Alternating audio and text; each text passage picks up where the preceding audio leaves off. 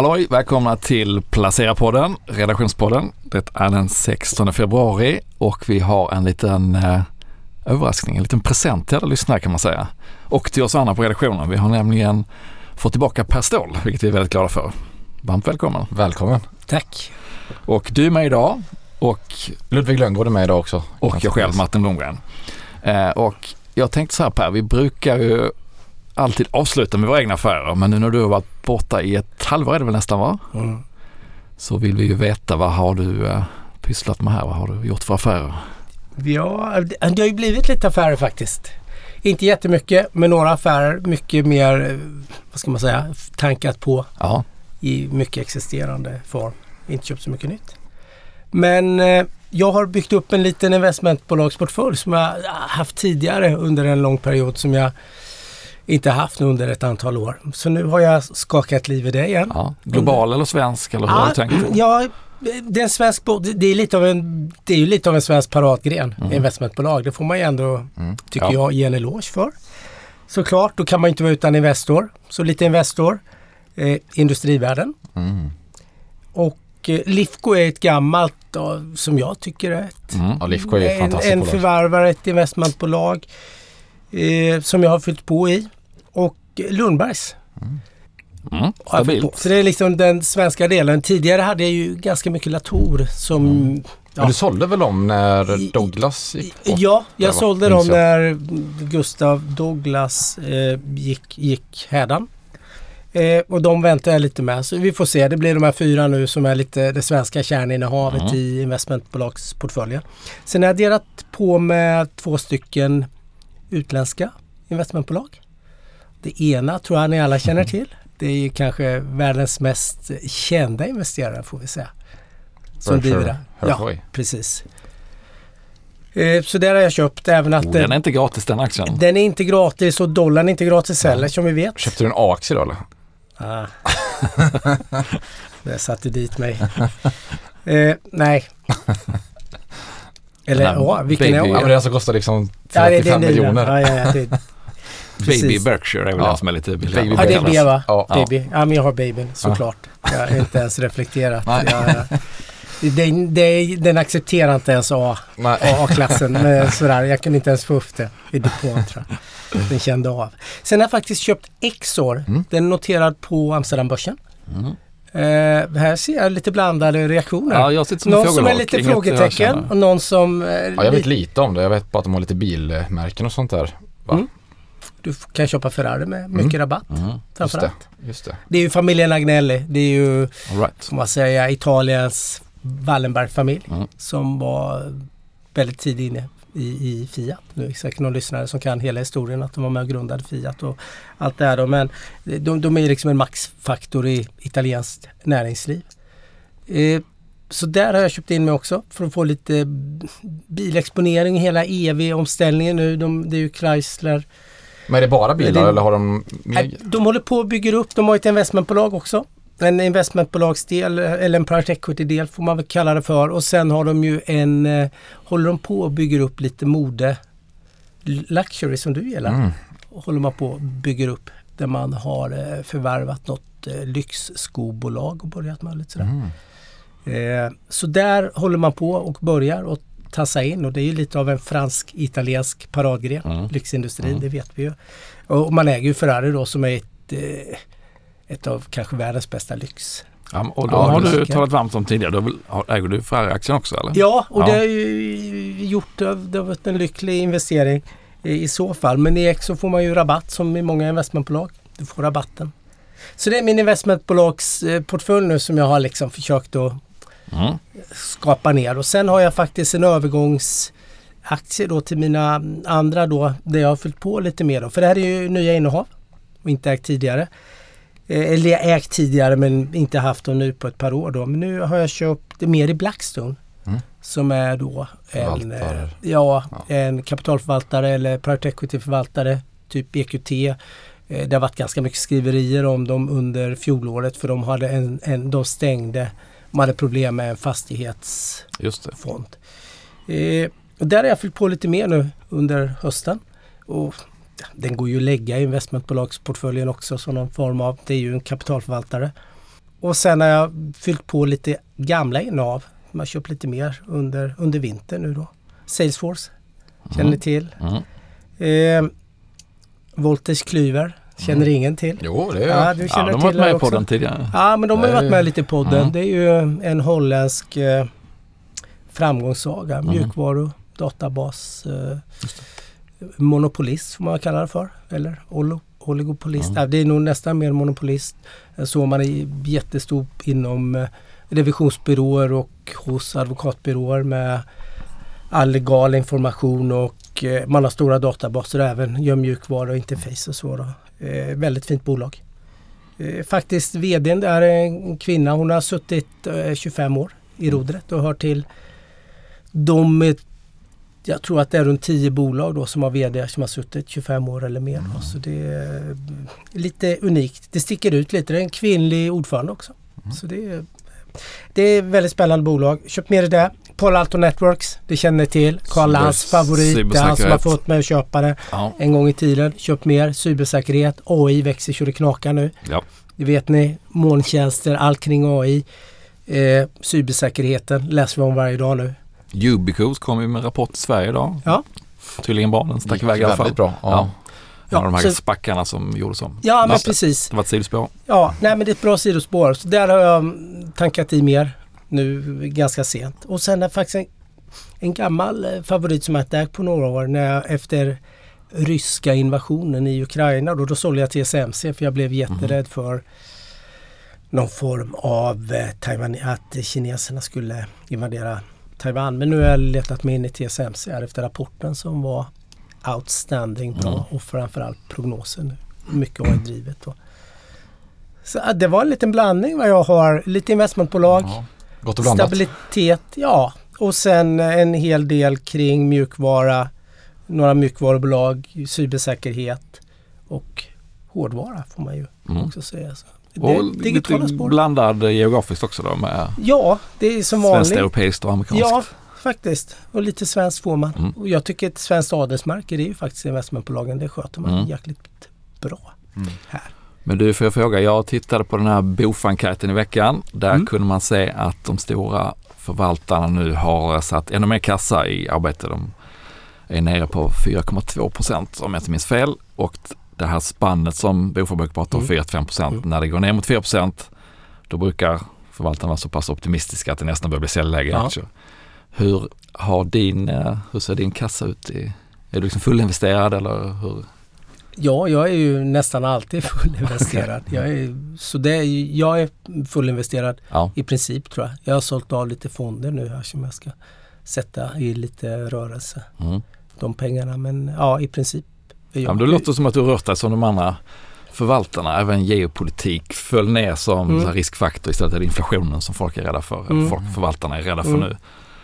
Eh, och alla tror då på uh, mjuklandning och att det inte blir någon global recession nästa år. Mm. Inte alla, men fler tror på det än vad som inte tror på det, vilket är ett skifte mot tidigare. Så det låter som att du... eh, Men, men agerar hur som- gör ni? Är ni? Har ni stor kassa eller jobb, hur tänker ni? Ja, jag har alltid lite kassa av eh, mest psykologiska skäl. Ja, jag brukar också ha lite kassa men just nu är jag faktiskt helt full, Mm. fulladdad i- och kanske lite mer tilt mot småbolag än vad jag haft eh, innan. Så att jag, jag tror och hoppas på att det blir ett riktigt bra börsår där. Inte utan svackor såklart men Mm. det känns ändå som att det är många som tror på småbolagen i år och eh, till också de som tror att det finns en hel del. Men hur känner ni kring det? här? För jag, jag är inte alls övertygad om småbolagen Nej. överhuvudtaget. För jag är ju jag tycker de här stor, det har ju aldrig varit så storbolagskoncentrerat Nej. tycker jag på väldigt länge. Man pratar mycket USA, Magnificent Seven men jag börjar titta lite på Europa. Alltså de är väldigt stora nu de europeiska bolagen Mm. i europeiska index. Om vi pratar LV, Novo Nordisk, Mm. Mm. eh, L'Oreal.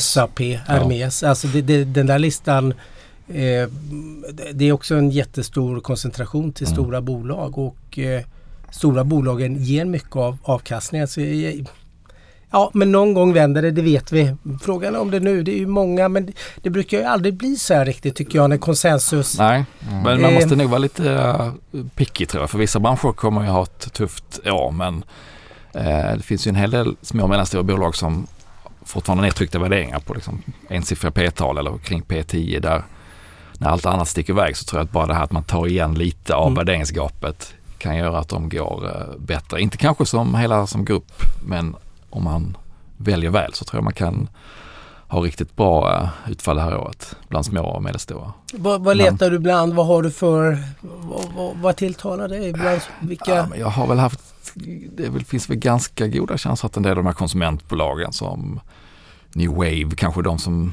tidigt tog en byggsmäll som, som kan komma ur det. Uh, Aligo kom en rapport idag som var ganska bra faktiskt. Mm.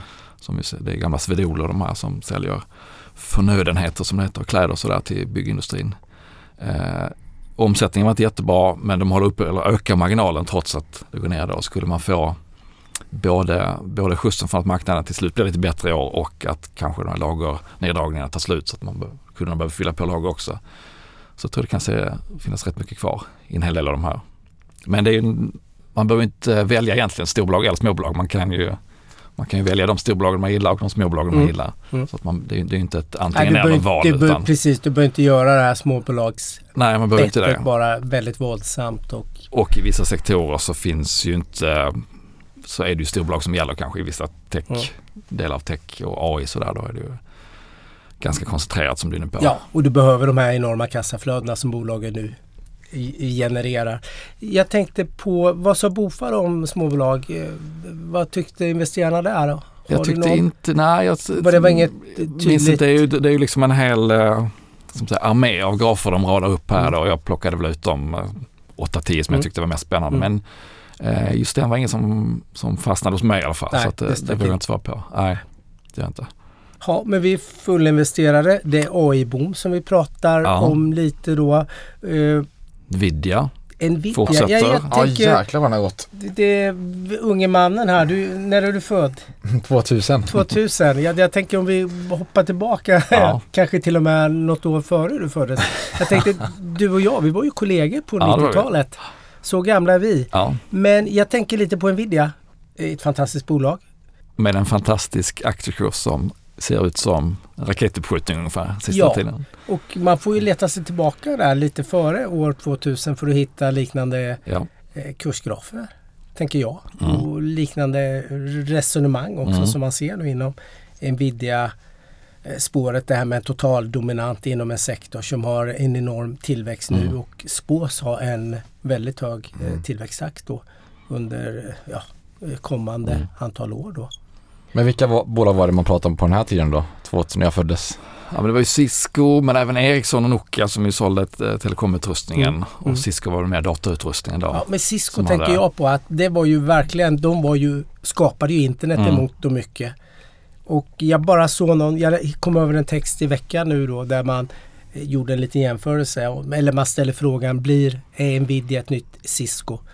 Och med det menar man att Cisco växte våldsamt under Mm. ett antal år. Från 95 till 99 så gick eh, omsättningen, nu måste jag faktiskt titta för det var så stora siffror. Vi ska se här hur mycket omsättningen ökade. Det var, den gick från 2 miljarder till 12 miljarder. Mm. Jäklar. Eh, och eh, nettovinsten gick från 400 eh, miljoner till 2 miljarder. Eh, och eh, blev en väldigt hög värdering där precis innan du föddes. Slutet Ja, på jag- 99. när jag där. klappade ut. Precis vid, vid millennieskiftet då och var en väldigt hög Ja. eh, värdering. Men då motiverar man med att det, var så, det ligger så mycket tillväxt i det. Eh, och eh, tittar man lite på de analyser som låg så har man till och med bommat tillväxten för det har faktiskt blivit mer tillväxt. Internet har växt mycket snabbare. Det är mycket mer Mm. trafik idag än vad, det, än vad man ens trodde i de här eh, prognoserna då. Men det som blev problemet blev ju lite att må- många av Ciscos kunder utvecklade ju egna eh, liknande produkter Mm. till sist. Då, utan de, de blev också så här producenter och eh, konkurrenter då. Men Cisco har ju faktiskt, aktien har varit, haft en jättesvag utveckling Mm. under 20 år plus. Den är faktiskt ner till och med 23 procent. Medan vinsten har fortsatt öka, nettovinsten har fortsatt öka med sju gånger. Och omsättningen med fem gånger. Så du har ju fått en marginalexpansion och en väldigt hög Mm. eh, vinsttillväxt. Då. Men just det här när konkurrenterna, eller det kunderna börjar bli konkurrenter som i det här fallet. Och då var det en sån där 33 gånger försäljningen fick man betala när det begav sig på toppen. Tittar man på Nvidia idag så ligger det också runt 33 gånger försäljningen. Ja, det är lite eh, otäckt när man lägger de här graferna över varandra för då Mm. ser man att andra kursuppgångar som Cisco hade motsvarar ungefär vad Nvidia nu då. Men Ja men precis och det är väl lite, men frågan är, det, då måste det väl komma konkurrens, ny, ny konkurrens, alltså konkurrenter till mm. Nvidia och det kanske är svårt att se idag vart de finns. Ja men det är ju så, funkar marknadsekonomin så ska det ju komma in de som kan göra samma eller lika och pressa ner priserna. Men eh, Exakt. det är svårt för en om man inte är väldigt kunnig på tekniken att bedöma hur stor är risken och, och när i tid kommer den här konkurrensen som skulle kunna slå sönder deras lönsamhet och tillväxt. Just nu så är det ju väldigt svårt att se vem som ska stoppa Nvidias framfart. Ja precis men eh, och eh, jag, jag tror att analyt, eh, de här samlade analytikerkåren kommer säkert få rätt igen då att den här tillväxten som man till och med underskattade då Ja. för att det kommer mycket gaming. Det är otroligt mycket som görs på internet idag som man inte kunde se där 9900. Mm. Eh, vi har fått iPhone och allt det här. Det har exploderat med information då. Så det är möjligt att till och med oj, att tillväxten blir ändå starkare än det som ligger Mm. lite i prognoskorten idag. Då. Men det, ja, man får väl se vad, vilka lösningar det blir och om det kommer konkurrenter eller Ja. vad det nu sker. det- Jag vet inte om du minns hur Ciscos lönsamhet ser ut, men, för jag gör inte det, men uh, Nvidias lönsamhet har också exploderat. Så det är inte Mm. bara att ett bett på tillväxten i omsättningen här, utan de har otroliga marginaler. Så att även om PS-talet är högt så är P E-talet inte så astronomiskt Nej. längre. Jag tror jag såg någon siffra på P 35-40 Mm. sådär. Det är ju högt men det är ju inte, det är ju Nej, inte, inte- eh, out, of, nej. out of the blue. Så att eh, det kan ju finnas mer kvar även om det låter helt otroligt när man tittar på kursresan hittills. Men de hade väldigt jäkligt tufft 2022 också för mig, Nvidia. Det var alla gaming-sektorn gick väl dåligt och allt det här. Ja, Så det var väldigt, väldigt och det var väl lite krypto som Ja. fejdade ut och sen så Just kom det. AI som nästa Som, ja. raketmotor i, där bak där. Mm. Men, eh, nej, men man ska väl inte bli superrädd men, men man ska ändå ha respekt tycker jag för när man tittar på hur det har kunnat se ut för motsvarande bolag i andra tidsserier. Även Intel är ju inte tillbaka Mm. på, som gör chip, inte tillbaka på där de var. Ericsson är väl också en sån. Ericsson är inte ens i närheten av att vara där de var 9900 i aktiekursmässigt. Så det lär vi få följa Ja, nej, men det är intressant iakttagelse. Jag tänkte Mm. ibland är det bra att nypa sig lite i armen och Och fundera ett på, varv på, till. på, på samma tema så såg jag att eh, japanska börsen, Nikkei 225, är nu bara tiondelar från sitt all time high från 1989. Mm. Så nästan 35 år sedan. Och det var också en sån här otrolig värderingsbubbla visade sig i efterhand ju, som behövde pysa ut. Under en lång tid. ganska lång tid. Ja. Ja, men det tar lång tid och eh, Cisco är inte tillbaka än då. Det har gått i 24 år nu och det är fortfarande 23 eller ner 23 procent. Så det, du kanske har 5-6 år så då pratar vi Mm. 30 års eh, cykler. Så ja, så är det. Man eh, får komma lite rätt i gungan ibland. Ja, Nvidia har ju varit fantastiskt för många investerare som har kommit in Mm. tidigt. Och, men ska man köpa den på 700? Ja, det kanske blir en Mm. jättebra resa. Det Ja, kan det är- också bli ganska ja, det är mediokert. väldigt svårt att bedöma var man är i. Om det, om det är en bubbla ens och även om det är det så kanske det finns en anledning att vara kvar Mm. ett tag till. Mm. Men vad gör du då Per? Du har ju Nvidia. Har du, håller du kvar dem eller? Ja, jag håller kvar. Du håller kvar, Ja, eller? men Mm. den där fick mig ju lite, det blev en liten ögonöppnare. Jag var med 99 och Mm. 98 och känt den där euforin och läst analyserna när the sky is the limit och det finns inga moln på Nej. himlen liksom. Men så finns det ändå några moln som man inte ser. Och så är det ju lite Ja. Och, och jag är lite rädd för när konsensus ligger helt fel för då blir det stora. Det är det som Mm. gör mig lite rädd i det här småbolags... Alla pratar småbolag nu. Ja. Jag säger inte att det är dåligt men när, när konsensus ligger fel då blir det stora, då blir det stora avvikelser Mm. och då händer det väldigt mycket. Då, så, eh, och då blir det ju ett Cisco-case liksom. Mm. Det händer ingenting. Den var ner 85% som mest efter toppen. Mm. Och sen har den återhämtat sig jättemycket då sen, sen dess. Då. Så Och det, det, lite... det var inte länge sedan de amerikanska techbolagen var ner 50-60% heller. Det var ju bara två, tre år sedan från den Mm. senaste Mm. toppen. Men det var väl George Soros tror jag som sa att om jag ser en bubbla så springer jag mot den. Mm. Det kan ju finnas mycket kvar att hämta. Ja. Så att eh, ja, alla får göra sin egen gissning, bedömning, analys här. Då. Mm. Men jag är kvar. Jag Ja, sitter kvar sitter ett tag kvar. till Ja. får vi se. Sen har du... Girigheten tar överhand som vanligt. Ja. Men eh, ska vi prata lite insynsköp eller? Mm. Mm. Och försäljningar. Det har kommit en hel del nu efter rapporterna. Jag tittar, jag tittar på svenska Har det varit mycket, ovanligt mycket eller hur? Ja, det, Om man tittar på aggregerad nivå. det vågar jag faktiskt inte svara på. Det är ju eh, efter rapporterna som man kan köpa och det är fortfarande en hel del kvar. Eh, jag tyckte inte det stack ut att det var ovanligt mycket utan det är ju de the usual suspects. Fredrik Lundberg, eh, Persson-familjen som köper H&M efter rapport. De har köpt precis som de brukar. Eh, men däremot så valde jag att titta mer på vd som har köpt den här gången. Inte storägare bara. Och då var det väl några som stack ut tyckte jag. Det är då Meko, alltså gamla Mekonomens vd Per Oskarsson som köpte för 2 miljoner. Peabs vd Jesper Göransson 2 miljoner också. IPC, oljebolaget och Lundinarna. William Lundin köpte för 5 miljoner. Det är inte så himla mycket i förhållande till deras tidigare innehav utan de som sticker ut där som har ökat mycket mot vad de hade tidigare så är det Castellum, Platzer och Tobii vd som ökar. Eh, sen tyckte det var en annan rolig affär. Det var Revolution Race vd Mm. Paul Fishman köpte. Inte för så otroligt mycket, en miljon, 5 procent ökade sitt innehav. Men det intressanta var ju att storägaren då, Nyren, Nyrenstam, Nyrenstam. Sålde, precis som Altor gjorde då, i i en placing bara någon dag tidigare. Så att han ville väl visa då att eh, ja, det var deras beslut att dra ner sitt innehav men jag är fortfarande, tror fortfarande på bolaget och aktien. Och du har aktier där i va? Ja, Ja. det har jag. Så att eh, Team Paul för min del då. Ja. Mm.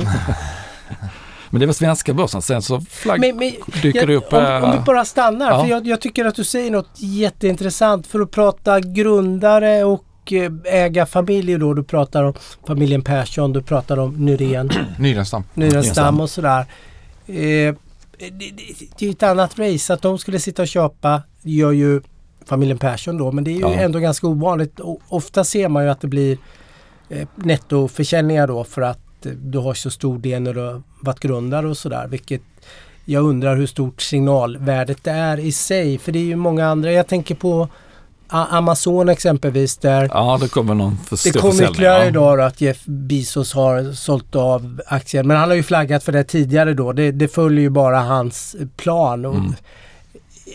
Det vet jag inte om det har något värde. Jag äger ju lite Amazon-aktier. Jag kastar mig inte på säljknappen för att han Nej, eh, säljer. För att han har så mycket privata engagemang, Blue Origin och allt det här som eh, behöver ganska mycket externt eh, kassaflöde får man väl säga då. Eh, som pengar uppenbarligen går till och lite andra projekt då. Så det, jag vet inte hur stort värdet är eh, just där. Jag tycker att det är intressant som du påpekar att det är VDR som eh, ändå är i verksamheten och Ja. köper mer. Jag tycker att det har ett ja, man kan väl i alla fall anta att de inte har sett att det går pekar rakt ner i backen närmsta tiden. Sen hur det ser ut om två, tre kvartal bort det är ju ingen som vet. Men, Nej. Men och jag, jag håller med dig där att när det är storägare som är på väg ut så är det ju inte alltid en säljsignal. Men det, det kanske säger någonting än- ändå om att man har uppnått ett pris som man tycker att man är lite nöjd med. Mm. Man kan ta som Mm. parallell eh, Sats, gymkedjan som, eh, som är noterad i Norge men som finns i hela Norden. Eh, de kommer rapport i veckan så jag, jag tittade på den och de har gjort en otrolig vändning. Eh, från att varit riktigt illa ut faktiskt. Behövde göra nyemission och eh, hade det tufft under pandemin såklart när folk inte fick gå på gym och sen kom hela kostnadskrisen med elpriserna. De fick dra ner värmen i bastun eller stänga av den helt. Eh, men då har de i korta dagar kan man säga, de har höjt priserna, de har slutat expandera, hållit igen på investeringarna och underhållet. Vilket ju gör då att eh, de får in fler medlemmar i varje gym och det blir ju mumma för vinsten. Så de har fått upp vinsten på ebitda-nivå nästan tio gånger på ett år nu och fått ner skuldsättningen. Så att eh, min slutsats här var ju att ja, men nu har de gjort den här fantastiska eh, turnarounden. Nästa steg är att de måste börja öppna nya gym och då tror jag inte att aktiemarknaden kommer vara lika liksom, sugen på, på den resan. Så att jag gjorde bedömningen att nu ska man nog tacka för sig och, och sälja om man har varit med på den här resan. Och för att återkomma till storägarna då. Altor är en av storägarna här och de eh, kom med en placing igår efter börsen stängde då. Så att de, de, de är väl också där då att ja, nu, nu har vi gjort den stora delen av det här jobbet. De har varit inne sedan 2011 tror jag det var. Fick vara med i nyemissionen, vändningen är gjord. Dags att dra ner på innehavet. Eh, så där har det väl ändå ett signalvärde kanske om att de också då ser att den stora delen av resan är klar. Men det, det är ju verkligen från fall till fall. Om, om, om man vet att Bissos har sålt tidigare, kommer fortsätta sälja. Ja, då kanske det är mer en flödesanalys man ska göra. När försäljningen kommer men inte kanske en värderingsanalys. Sen kanske det är lite skillnad på riskkapitalbolag också och en, alltså som Altor jämfört med Så kanske en familje som H&M eller vad nu man ska säga. Exakt. Ja men det är en poäng och för Altor har ju kunder. H&M har ju Ja. inga kunder. Nej, om man säger så. mm. Jag menar Altor, det är ju inte Altors pengar. Det är ju Altors pengar men det är ju någon annan som har satt in pengar. Och det ligger ofta i en fondstruktur där Ja, den ska avvecklas och det efter ska en viss tid. avvecklas. Tio år eller fem Ja. år eller vad Ja. Så det får man ha respekt för. Mm, mm, Men jag, du har en Ja, poäng. Martin. Man får titta lite varje Fall till fall, eh. fall, till fall Mm. på vad, vad, och vad kan det ligga för bakomliggande faktorer. Mm. Och så vidare. Men jag tror, och när det gäller försäljningar så tror jag man ska vara lite uppmärksam på om det kommer inte bara från en eller två utan om det är ganska brett. Om det är mycket turbulens i en ledningsgrupp, många som slutar, många som säljer samtidigt. Då tror jag man ska ändå ta det på allvar att här kan vara ett tecken på att allt står inte riktigt bra till i det här bolaget. Mm. Men när en enskild styrelseledamot eller medlem i koncernledningen säljer lite grann för att ja, jag vet inte, amortera på sin sommarstuga eller att de har skilt sig eller vad det kan vara. Ska man ju inte bli för rädd för. Det gäller att allokera sina pengar dit de behövs, eller hur Ludde? Ja, ja, precis. Bra övergång där. Exakt. Jag har kollat på lite kapitalallokering då. Det här begreppet då. Och det vet säkert ni vad detta innebär, antar jag. Ja men på, Ja. i grova drag. Ja men det handlar ju om då hur man ska liksom fördela sina pengar som ett företag har. Och det kan man göra på fem olika sätt. Det är amortering av skuld. Det är genomföra interna investeringar. Köpa upp bolag. Aktieåterköp och utdelning. Det är de fem grundläggande Mm. kapitalallokeringskriterierna måste jag säga. Det man kan göra. Fem vägval. Exakt som fem Eller vägvalen. man kan välja fler samtidigt Ja, såklart. Men- exakt. Eller göra flera samtidigt Mm. då. Eh, och det är otroligt viktigt då som aktieägare att eh, analysera detta hur en ledning eller vd allokerar kapitalet. För på lång sikt så har detta väldigt stor betydelse för hur aktiekursen går. Och på lång sikt handlar det om att öka fritt kassaflöde per aktie eller vinst per aktie. Det är det som skapar aktieägarvärde. Så då har jag gått igenom varje punkt här lite då och skrivit lite om en text om detta Mm. då. Eh, och det första är då amortering av skuld och det kan man göra av flera olika skäl. Det kanske är att man vill sänka sina räntekostnader och då ökar du ju vinsten ifall du kan få ner räntenettot. Och sen kan du väl amortera av skuld för att liksom få bättre kreditbetyg.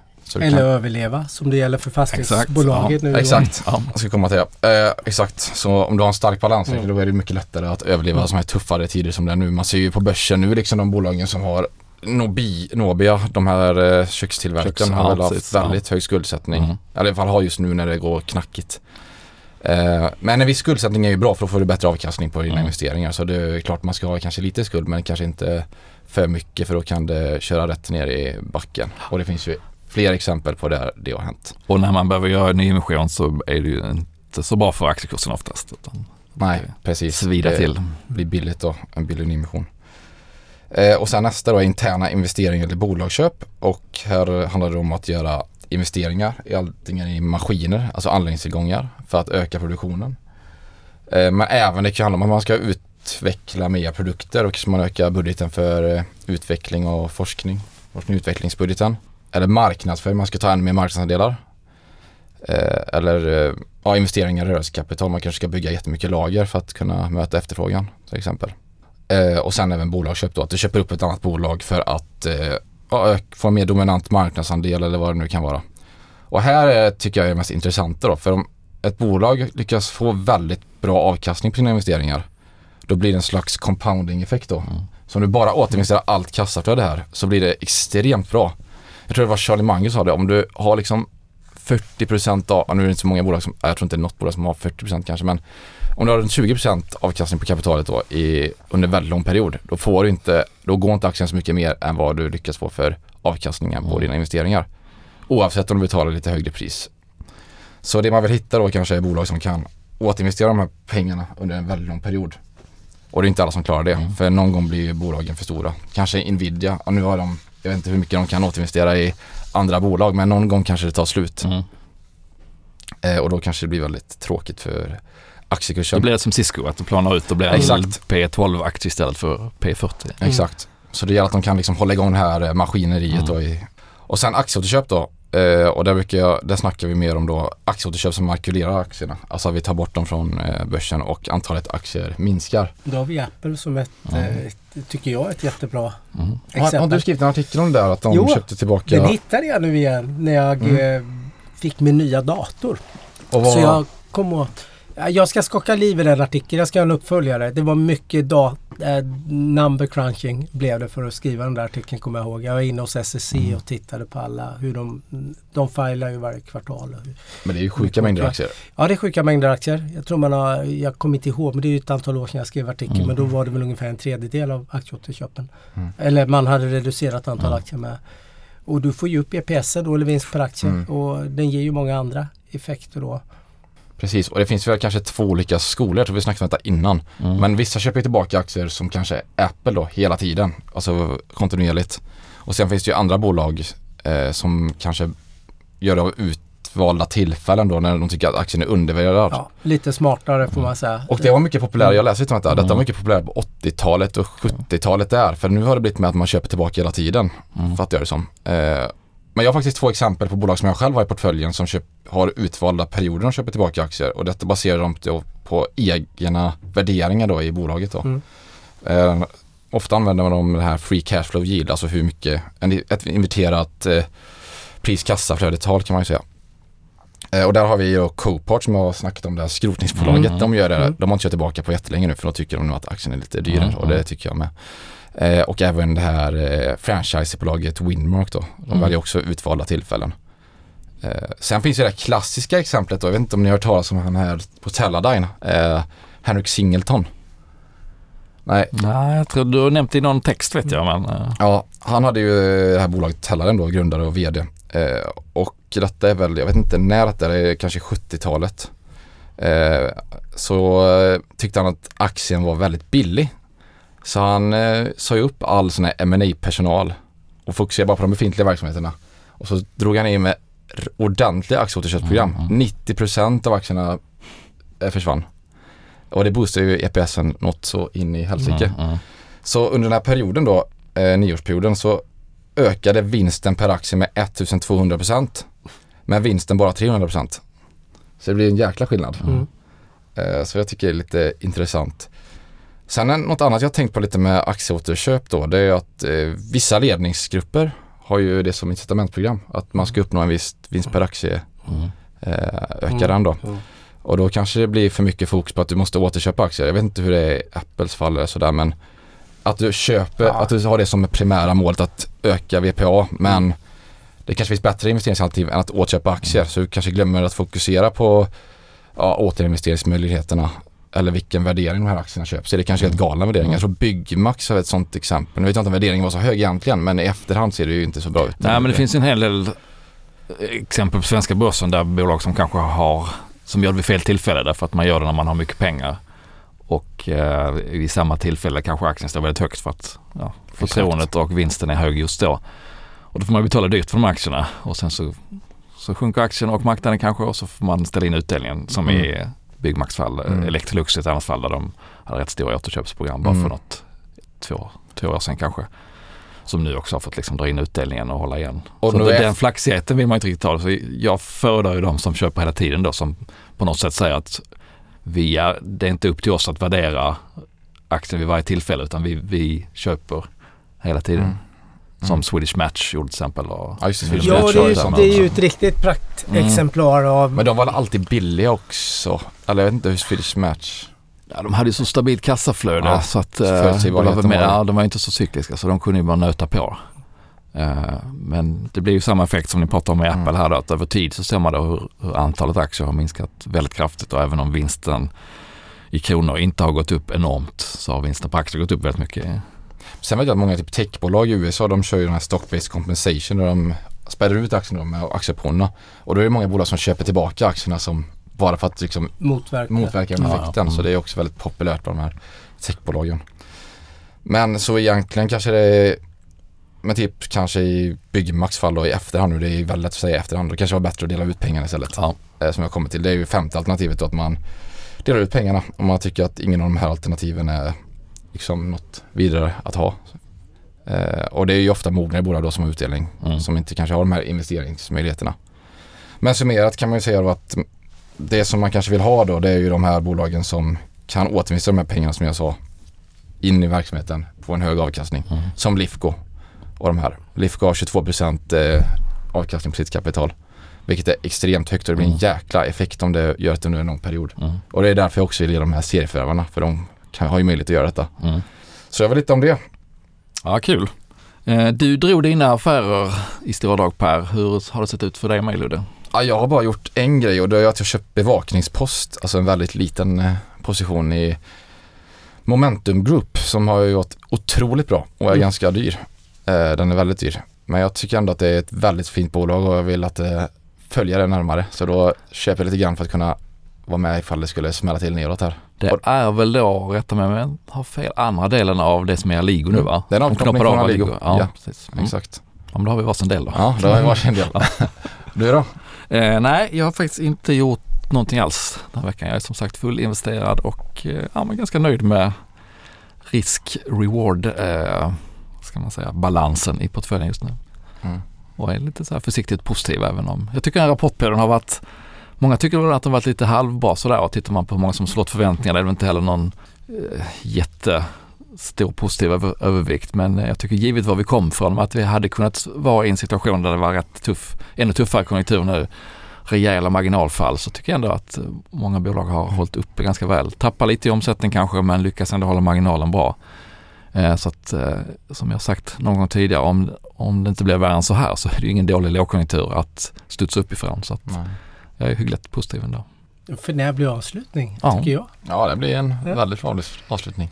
Ja men då, då rundar vi väl av och önskar trevlig Ja. helg Ja. helt enkelt. Ja, trevlig helg. Trevlig helg.